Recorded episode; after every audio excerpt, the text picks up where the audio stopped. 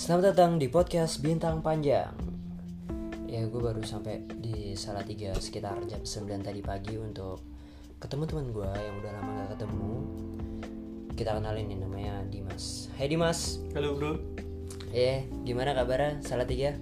alhamdulillah baik baik baik saja. Eh, tadi tadi selama OTW ke sini gimana tuh? Ya biasa aja masih karena ini sudah mulai mau masuki new normal jadi ya orang-orang pada mulai bekerja, mulai aktivitasnya sehari-hari. ya seperti itulah. Oke, jadi uh, gue rasa sih emang masa-masa transisi itu masa-masa yang lumayan cukup sulit ya untuk kita kayak membiasakan diri kita untuk apa cuci tangan, pakai masker dan kawan-kawannya lah Iya. ibaratnya. Ya tapi untuk sekarang ya masyarakat masih tetap mengikuti anjuran pemerintah lah seperti yang cuci tangan, social distancing dan lain-lain. Eh kampus kita juga saat ini juga sampai sekarang belum dibuka juga kan masih online juga. Iya benar.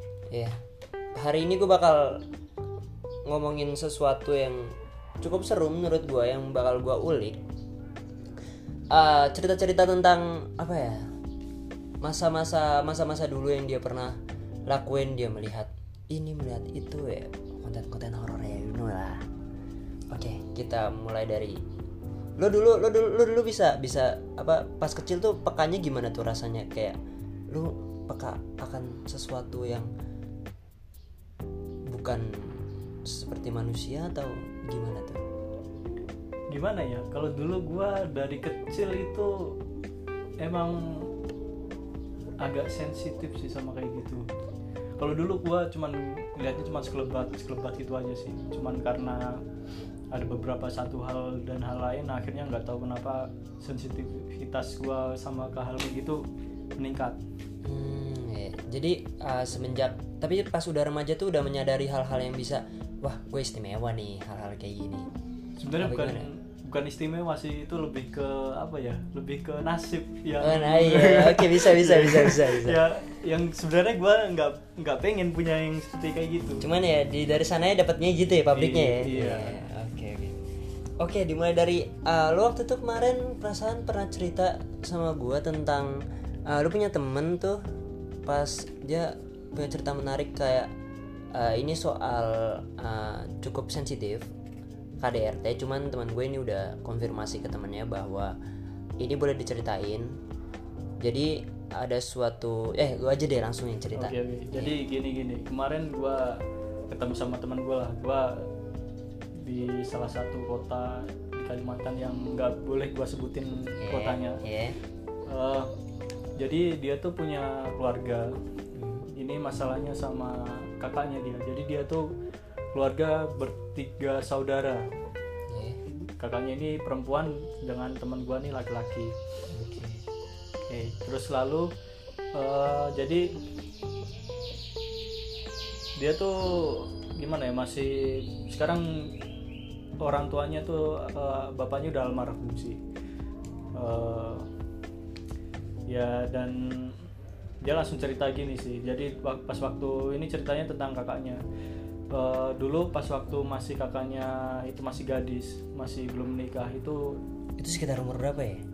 itu katanya dia masih SD Oh iya. Masih SD. Cukup muda ya? Oke Iya. oke oke. Mantap juga. Oke oke. terus waktu itu kakaknya kayak ini pindah ke Kalimantan dari Jawa Hmm. dia kerja di salah satu hotel di sana Iya. lalu bertemulah sama si calon suaminya ini Hmm. Eh, suaminya ini dibilang juga masih pekerja kasaran lah dia dia kayak seperti ya pada umumnya orang juga pas waktu masih merantau dari nol seperti itu Wak- pertamanya dulu ngelihat kakak kakaknya dia nih ngelihat eh, si laki-lakinya nih calon suaminya tuh orangnya baik terus perhatian pengertian seperti itu Eh, sampai suatu saat kakaknya ini kayak mengejar-ngejar si si calon suaminya ini Maksudnya itu dalam hal mengejar tuh uh, berambisi lo harus punya gua gitu. Gitu apa gimana tuh? ya mungkin seperti seperti itulah kayak dia Semacam ya? tuh semacam seperti itu Eh, akhirnya kan mereka menikah tuh Iya. Dan ya kakaknya ini punya tabungan segala macam akhirnya belilah tanah bangun rumah dan lain-lain Oh ya disclaimer untuk teman-teman ini ini ini real ya. tanpa basa-basi tanpa bohong ya langsung aja lanjut lanjut oke. Jadi gini, pas waktu itu habis nikah itu masih dalam transisi sebelum membangun rumah mereka masih ngekos gitu. Bukan kos sih kayak ngontrak Oke, sebuah kontrak kayak barakan rumah ya. gitu. oke Eh, selama itu mereka dikaruniai anak satu perempuan. Hmm. Nah, selama pas waktu masih kecil itu anaknya habis lahiran tuh suaminya ini kasar ke ke kakaknya. Wah itu itu itu bukan hal yang dibenarkan ya untuk suatu rumah tangga yang apa namanya namanya apa ya Ya kalau KDRT lah. KDRT iya nama bahasa Indonesia lebih ke KDRT Ya itu dia kakaknya dipukulin lah segala macam terus juga termasuk eh, anaknya anaknya enggak untung anaknya enggak tapi seperti barang-barang yang kakaknya di yang dibeli sama seperti kulkas, magicom dan lain-lain itu semuanya dibanting sampai peok-peok gitu. Nah, akhirnya kedengaran lah sampai ke orang tuanya dia. tapi bentar gua gua gua sanggah bentar ya bentar Oke oke. Ah, kalau misalnya emang sebelum ah, nggak ngerasa kalau misalnya pas pacaran itu ah, gejala-gejala udah mulai kayak abusif kayak apa ya kayak udah kasar gitu kayak misalnya nempeleng pacar atau ibaratnya ada kesalahan dikit langsung pukul atau nampar atau gitu emang nggak ada gejalanya deh selama pacaran itu? Kalau dari yang cerita temenku tuh dia nggak menceritakan sampai situ sih. oh Tapi oh, nggak tahu dia, ya? Iya, mungkin karena dia kecil dulu dan nggak ada cerita apa-apa sebelum pacarannya itu. Karena pas waktu itu eh ininya temanku tuh lagi di Jawa, sedang kakaknya tuh kerja di Kalimantan. Hmm. Termasuk orang tuanya tuh masih di Jawa. oh yes, Jadi yes, yes, seperti apa ya? Kalaupun mungkin ada pemukulan dan lain, mungkin kakaknya nggak ada cerita mungkin pas waktu itu. Iya. Terus akhirnya sampai menikah itu baru ketahuan kalau sifat aslinya tuh kasar seperti itu. Hmm, oke Oke, dan lalu ini lanjut lagi ya. Iya lanjut kita lanjut iya balik lanjut lagi. silakan. Nah, akhirnya setelah orang tuanya tuh tahu, akhirnya si suaminya ini di inilah dia apa namanya ditegur gitu, ditegur, terus eh, sampai sempat disuruh cerai dulu. Akhirnya orang tuanya ini datengin ke besannya itu Hmm. eh, cerai itu terus akhirnya gak dibolehin karena mungkin dulu tuh kakakku orangnya pekerja eh kakakku kakaknya or- temanku ini pekerja keras makanya akhirnya ya nggak diperbolehin gitulah terus akhirnya sampai sekarang alhamdulillah sih masih Oh kayak apa ya penganut apa orang-orang dulu kayak eh, cowok harus lebih ini lebih dominan dibanding ceweknya. Seperti itu kayak gitu. Eh, kalau seperti itu mungkin kurang tahu ya karena ini kan juga oh iya iya dari iya. teman oke kan. oke oke oke. Sorry sorry. Oke. lanjut lanjut.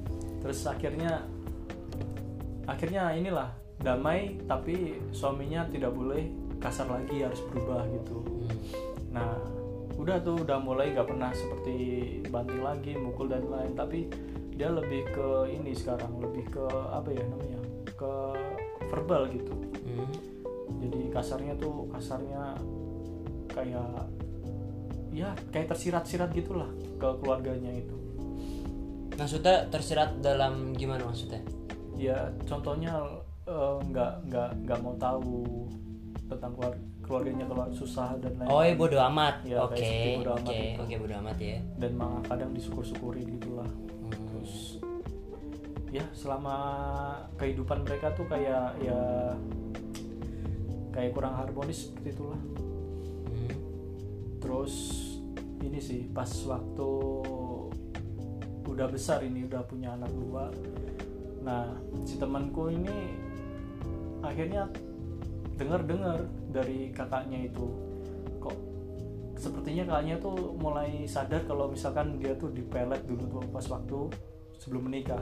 Karena Wah anjir. Di pelet tuh mungkin orang-orang yang belum tahu ya di pelet tuh kayak semacam apa ya? Ya pelet ya pelet pelet kalau di di kolam ikan tuh gimana tuh? Kayak apa langsung nyaplok gitu ya? Ibaratnya kayak udah pasti udah pasti ini udah pasti bisa gitu. Iya nggak sih kalau iya, gitu? iya. jadi pas waktu masih mudanya masih Hmm. gadis tuh kayak ngejar-ngejar gitu Iya, oh iya. Nah, wah itu bisa dibilang ilmu hitam ya? Apa gimana? Iya harusnya ilmu hitam sih seperti itu. Oh iya wah, bahaya bahaya lanjut lanjut. Nah, lalu setelah itu adalah jadi guys seperti berjalannya waktu orang tuanya temanku ini sama temanku pindahlah di Kalimantan sana. Nah mereka itu kayak ya bapaknya ibunya kerja semua di sana terus dia sekolah di sana. Ya seperti itu seperti menjalani kehidupan pada umumnya. Nah berjalan waktu itu dia kami kami berdua ini udah SMP SMA itu dia cerita sih. Dia pernah dia kebetulan juga sensitif sih sama hal-hal yang berbau mistis seperti itu. Iya, iya. Nah, dia tuh pernah didatengin sama sosok yang katanya penunggu rumah kakaknya. Nah, katanya, oh ya ini nih tarik mundur sedikit ya. Oh, iya, Jadi iya. pas oke. waktu selama pindah ke Kalimantan tuh kayak suaminya ini pun ke orang tuanya pun juga nggak terlalu perhatian sih Iya. memang ayahnya juga ikut kerja suaminya kayak dia punya truk itu yang nyopirin tuh ya ayahnya gitulah Iya.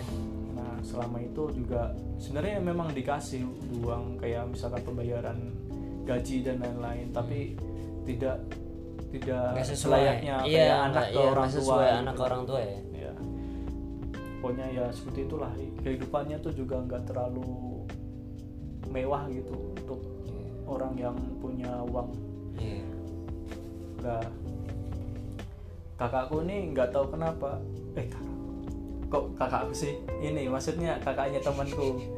Kakaknya temanku itu Iya, gimana nih? Jadi sebenarnya ah, cerita temannya atau cerita Anda sendiri ya? cerita teman ini Oh, karena iya. karena terlalu asik jadi. Oke oke oke ya ya mendalami ya mungkin Mendalami, mungkin iya. teman-teman anda sendiri Iya, iya. eh teman lo sendiri mungkin ngerasain apa yang lo rasain itu terlalu dekat Iya. intim oke oke lanjut Jadi ya seperti itulah. Jadi temenku ini cerita kakaknya kok nggak pernah perhatian ke orang tuanya. Padahal dia tuh bisa ngasih uang dan lain-lain tuh lebih-lebih gitu loh maksudnya tuh. padahal dia tuh juga termasuk sukses di sana gitu nah akhirnya ini kembali lagi pas temanku itu mimpi didatengin sama penunggu ru- rumahnya mereka itu yang kakakku Hmm. kakaknya dia Iya. terus akhirnya dikasih tahu lah kalau rupanya kakaknya tuh di inilah kayak di dibuat biar nggak suka. Ya kayak ngelawan orang tua gitu. Wah orang tuanya itu maksudnya dibuat buat gimana tuh? Diguna-guna ya? Mungkin seperti itu ya. Kayak apa ya? Kayak misalnya misalnya nih oh, gue kagak seneng nih sama lu ya. Terus uh, gue gua entah apa pun caranya gue pengen uh, lu tuh kenapa-napa. Gitu gak sih? Kayak misalnya uh, gue gue akhirnya pergi ke dukun atau apa terserah. Ya intinya gue pengen lu sakit misalnya. Dan itu bakal terkejadian gitu dengan cara apa pun. Iya tapi itu pas waktu itu kasusnya dia nggak bikin sakit sih. Tapi lebih ke ke sifatnya yang jadi nggak perhatian sama orang tuanya. Jadi oh semua yes yes, yes. semua Iya. omongan suaminya Nggak peka ya? Nah, Iya, iya, nggak peka omongan sama- suaminya tuh iya, diturutin gitu. Hmm. Nah, sampai suatu waktu sehabis mimpi itu eh, ada satu satu ini sih, satu apa ya namanya? Satu kejadian gitu. Pas waktu itu kakaknya itu kayak bangun rumah, Mm-mm. bangun rumah itu kan kayak biasalah kalau ada tukang kerja kuli-kuli gitu kan mesti kadang di dianterin makanan, minuman Iya, gitu kan. iya. Nah, kebetulan tuh mereka ada di sana juga terus nggak tahu kenapa sih feelingnya kok temanku tuh katanya gini mau pas waktu ngantar air itu airnya di di rukiah. Di rukiah dibacain al-fatihah. Baca didoain dan ya? ini didoain Ini gue juga pernah tuh dulu uh, pas apa ke ini uh, pergi ke suatu tempat namanya ke puncak Bogor. Itu gue lewat namanya daerah Cibinong. Ini anak Jabodetabek pasti tahu. Namanya lewat Bukit Pelangi. Jadi di situ uh, gue lewat emang sekitar jam habis maghrib sih jam 6 jam 7 nah dia berperilakuan ber, ber- berkelakuan agak aneh pas uh, rehat. Jadi kita berhenti di suatu warung gitu. Ya pasti anak apa yang sering ke puncak pasti tahu itu tempat yang saung-saung gitu. Dia berperilaku aneh. Akhirnya kita tetap jalan kan ibaratnya biar suasananya nggak nggak apa nggak mencekam gitu. Akhirnya pada ini gue kita berhenti di Indomaret itu minta tolong sama kasirnya. Mungkin dia apa bisa bisa bacain ayat-ayat karena emang kebetulan teman gue ini satu cuma muslim dia doang. Dan yang lain bingung mau apa nyembuhinnya gimana. Ya udah kira sama kayak yang lu bilang tadi kayak tiba-tiba apa eh, minum di eh minum air didoain terus disuruh minum tiba-tiba udah selesai gitu udah langsung kayak hilang gitu. Iya. kayak gitu bukan sih? Iya ya benar-benar Iya. karena pas waktu itu juga akhirnya kakaknya juga langsung sadar. Hmm, makanya langsung waktu- berubah tiba-tiba iya, gitu ya? Iya langsung berubah tiba-tiba. Jadi malamnya tuh tahu-tahu langsung datang ke rumah ke rumah orang tuanya itu ke kosnya itu. Hmm. terus akhirnya dikasih duit. Wah pokoknya diperhatiin. Gitu berubah berarti, ya. berarti kan itu mungkin berarti jadi- berarti feeling yang sebelumnya yang uh, lu bilang yang maksudnya ya yang lu bilang tadi yang ceritain kayak ngomong datang ke mimpi temen lo itu ngomong kalau misalnya ini tuh nggak bener nih Iya, kayak gitu bukan sih? Iya, mungkin ya bisa jadi. Mungkin juga itu bukan karena jinnya, tapi mungkin bisa juga karena firasat yang dari semesta yang dikasih ke orang itu mungkin jadi bisa jadi.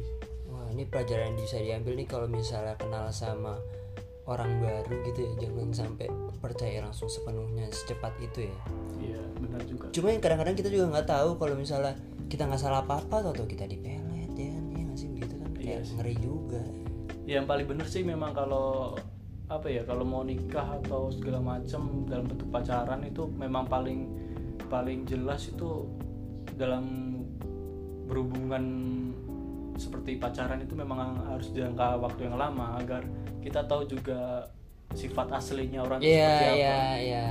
Dan dan gue kadang-kadang juga setuju sama sama orang yang sebelum nikah dia tinggal bareng walaupun ini nggak diinin di budaya kita ya kayak menurut budaya kita tuh kalau tinggal bareng tuh kayak nggak lumrah lah ya kayak wah ini zina nih sih Iya, gitu kan. iya. Tapi justru dengan tinggal bareng itu menurut gue kayak ah, mereka jadi tahu kayak misalnya sebelum nikah nih kayak tinggal bareng bakal ada ribut-ribut apa, ribut ini, ribut jadi udah tahu marahnya gimana, begitu. Jadi pas udah selesai dia apa pernah hidup bareng sama-sama satu rumah, pas udah di pernikahan jadi lebih terlatih dibanding orang yang benar-benar ah, tiba-tiba ketemu orang, tahu-tahu pacaran, tahu-tahu langsung menikah, tahu-tahu ini ributnya nggak tahu kayak gimana, kayak gitu kan? Iya sih, tapi kalau aku sedikit menyanggah mungkin Iya. lebih bukan seperti tidur eh tidur bareng bukan seperti itu ya. Di serumah Maksudnya maksudnya. serumah Iya, iya, bareng serumah maksudnya. bareng, Nah, iya.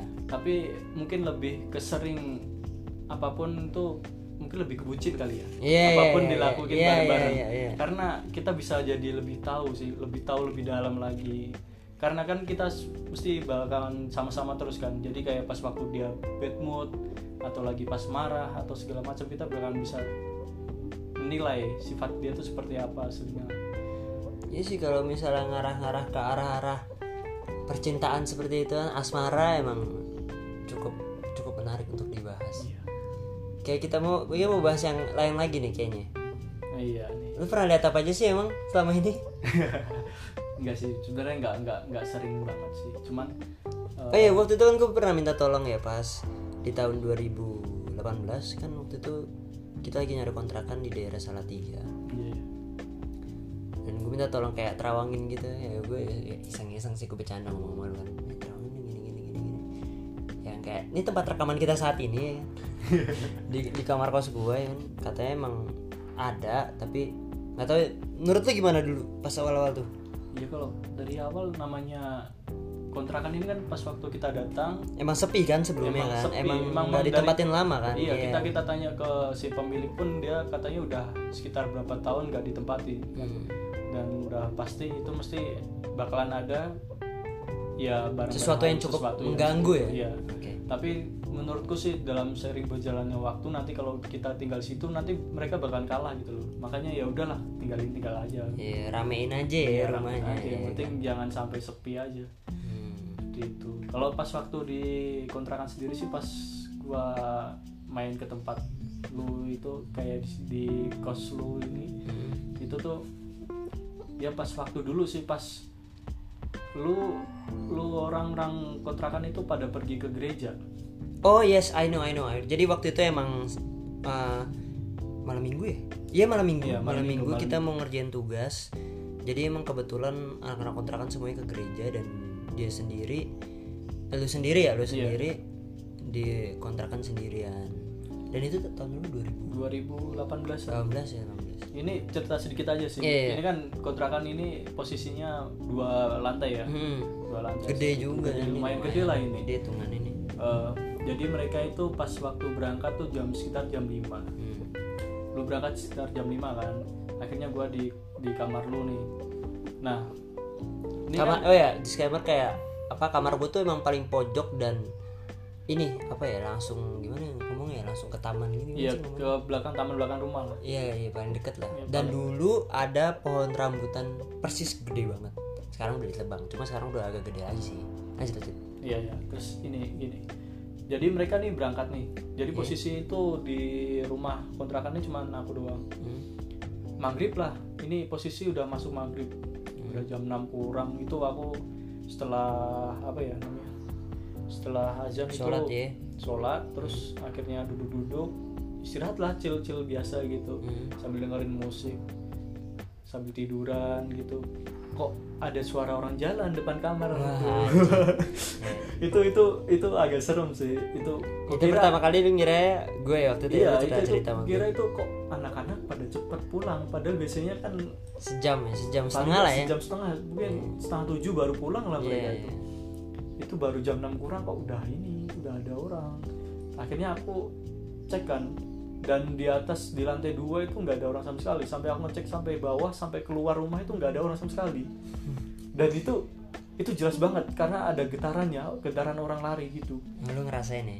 Iya. Ya kayak kayak dulu yang si jadi ada jadi gue ber- apa satu kontrakan itu ada tujuh orang dan yang di atas udah empat orang itu ada Gaby, Han Han dan ada dan yang paling ekstrim digangguin waktu itu sih si Han Han dia cerita pas uh, ini pohon rambutannya di belakang taman itu di belakang rumah itu ditebang. Saat itu emang kebetulan gue lagi di Jogja dan emang sepi. Dulu belum dulu dulu kok nggak salah Hotman lagi pergi ke, eh lagi pulang kampung kok salah pulang kampung sama Gaby juga kayak lagi pulang kampung. Cuma dia doang tuh gue di Jogja. Dia cerita kalau misal dia pas gue balik pas dia nge dia pas dia kejadian itu langsung WA gue pas pagi-paginya ngomong kalau "Ah, lu kapan pulang? Nggak sebenarnya bukan lu kapan pulang sih ngomong kayak kamu kapan pulang? Nah, kayak gitu.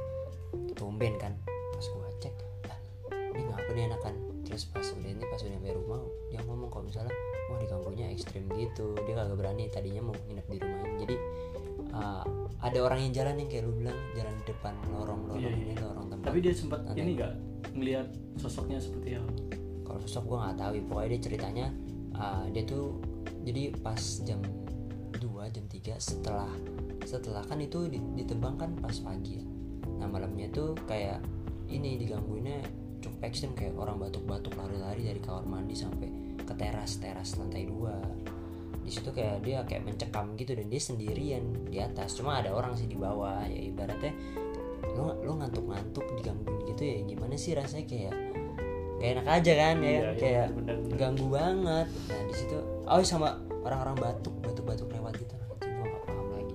Sampai tapi pas gue udah sampai di rumah dan gue tidur di sini nemenin dia maksudnya ya beda tapi kamar pas cuma- waktu batuk dia keluar nggak sambil bawa komik itu ya nggak lucu nih. ya bener bener batuk Iya. baji Iya, iya, iya. Iya. tapi itu emang agak aneh sih menurut gue jadi ya sampai situ lah cerita cerita serem cuma kalau waktu itu dulu gue emang awal-awal ya 2018 awal, awal emang gue kayak gue gue gini ya tiap kali ada orang yang kayak bukan manusia atau apa gue selalu ngerasa welcome aja kayak ya udah lu kan makhluk juga gue makhluk juga gue sama-sama respect aja kalau misalnya lu mau kenalan ya udah tunjukin aja diri lu kayak ya udah ya udah lu lu kayak cuma pengen pengen pengen pengen tahu kalau ada lu gitu. Gue ngerasa gitu kayak sampai saat ini pun gue ngerasa udah nyaman sih jadi nggak nggak nggak bakal ada pikiran yang negatif negatif lagi. Soalnya emang pas awal awal itu pure gue cuma ditampakin pas di sholat bukan pas di sholat maksudnya di depan pintu dia lagi posisi sholat gitulah. Dan gue di situ langsung oh, doa bapak kami dan salam Maria anjing itu parah sih. Itu mencekam banget asli. Itu benar gue rap-rapan namanya. Iya, Namanya kayak ketinggian. ketindian. iya kayak ketindian. Kalau sobat sobat apa?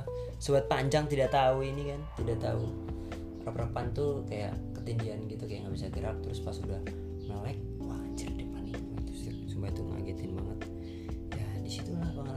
selama bukan tahun ini udah tahun ketiga ya Iya, benar. Iya. Tahun ketiga dan mau lulus. wah anjing Mungkin bakalan kangen sih sama iya suasana, suasana di kontrakan. ini gue tiga bulan gak ke sini ya rasanya gimana cuy kayak wah kangen banget sama tempat ini teman-teman gue pun pada belum balik juga ini dan lantai dua kayak Hana Norman sama Gibi tuh belum bisa balik karena ya ada satu hal satu dan dua lain hal karena emang nggak bisa balik dilarang orang tuanya entah atau apa. Kalau gue emang balik ini tujuannya emang gue mau nengok kamar kan tiga bulan gak ditempatin cuy. Masalahnya gue waktu itu pas sebulan nggak nggak gue datengin itu emang wah parah banget ininya apa jamurannya. Banyak banget apa barang-barangnya jamuran gitu. Makanya wah sebulannya begitu balik tiga bulan ya kan? Iya, situ lah ya udah. Terus sampai di sini eh, kalau misalnya lu dapat tempat-tempat yang menurut lu ini menarik nih. Lu, lu lu bakal lu bakal ketarik gak sih? Kayak misalnya ini kayaknya serem nih. Boleh dah gue ke sana gitu. Sebenarnya gue tertarik sih, tapi lebih ke mungkin bukan uji nyali ya, tapi ah iya beda. Maksud gue gitu ya. Tapi Lebih- nggak kayak lebih uji nyali ya? Iya lebih bukan uji nyali, tapi lebih mengeksplor aja. Bawa kamera, entah sama temen Ah, atau iya, gimana. explore. itu kan lebih lebih Ba- bahasa aman banget ya explore ya. Bahasa aman banget. Lebih lebih apa ya namanya ya? Lebih seru aja kayaknya kalau bisa lihat banyak orang. Apalagi kalau ada bonus lihat- eh, ada penampakan gitu kan. Kayak di ini ya. Emang saat tiga tuh cukup ini ya, cukup banyak ke tempat-tempat yang kayak gitu. Ya nggak banyak nggak banyak sih Cuma cerita mulut ke mulut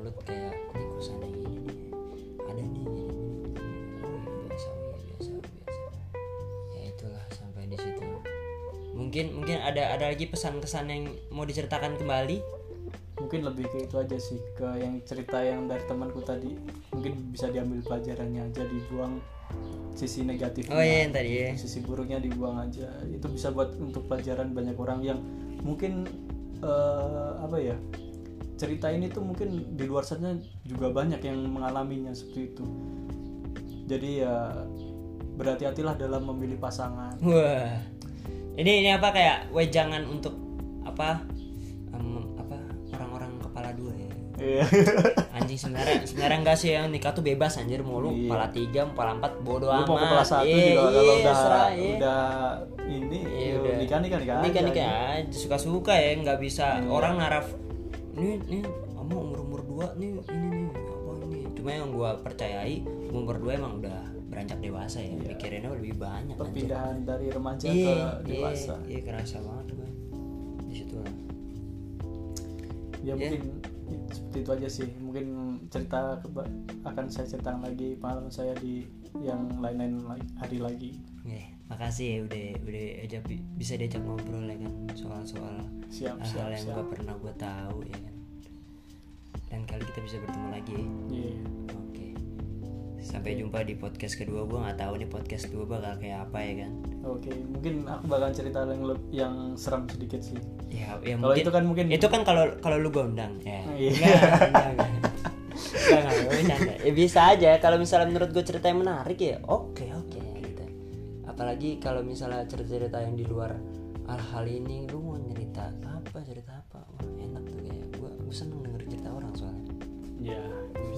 Karena hidup itu bukan cuma tentang logika tapi tentang eh, Apa? apa ya namanya tai tai gak jelas gue oke ya udah udah Oke, sampai saya ditutup aja. Sampai jumpa di podcast kedua. Oke, sampai jumpa. Bye.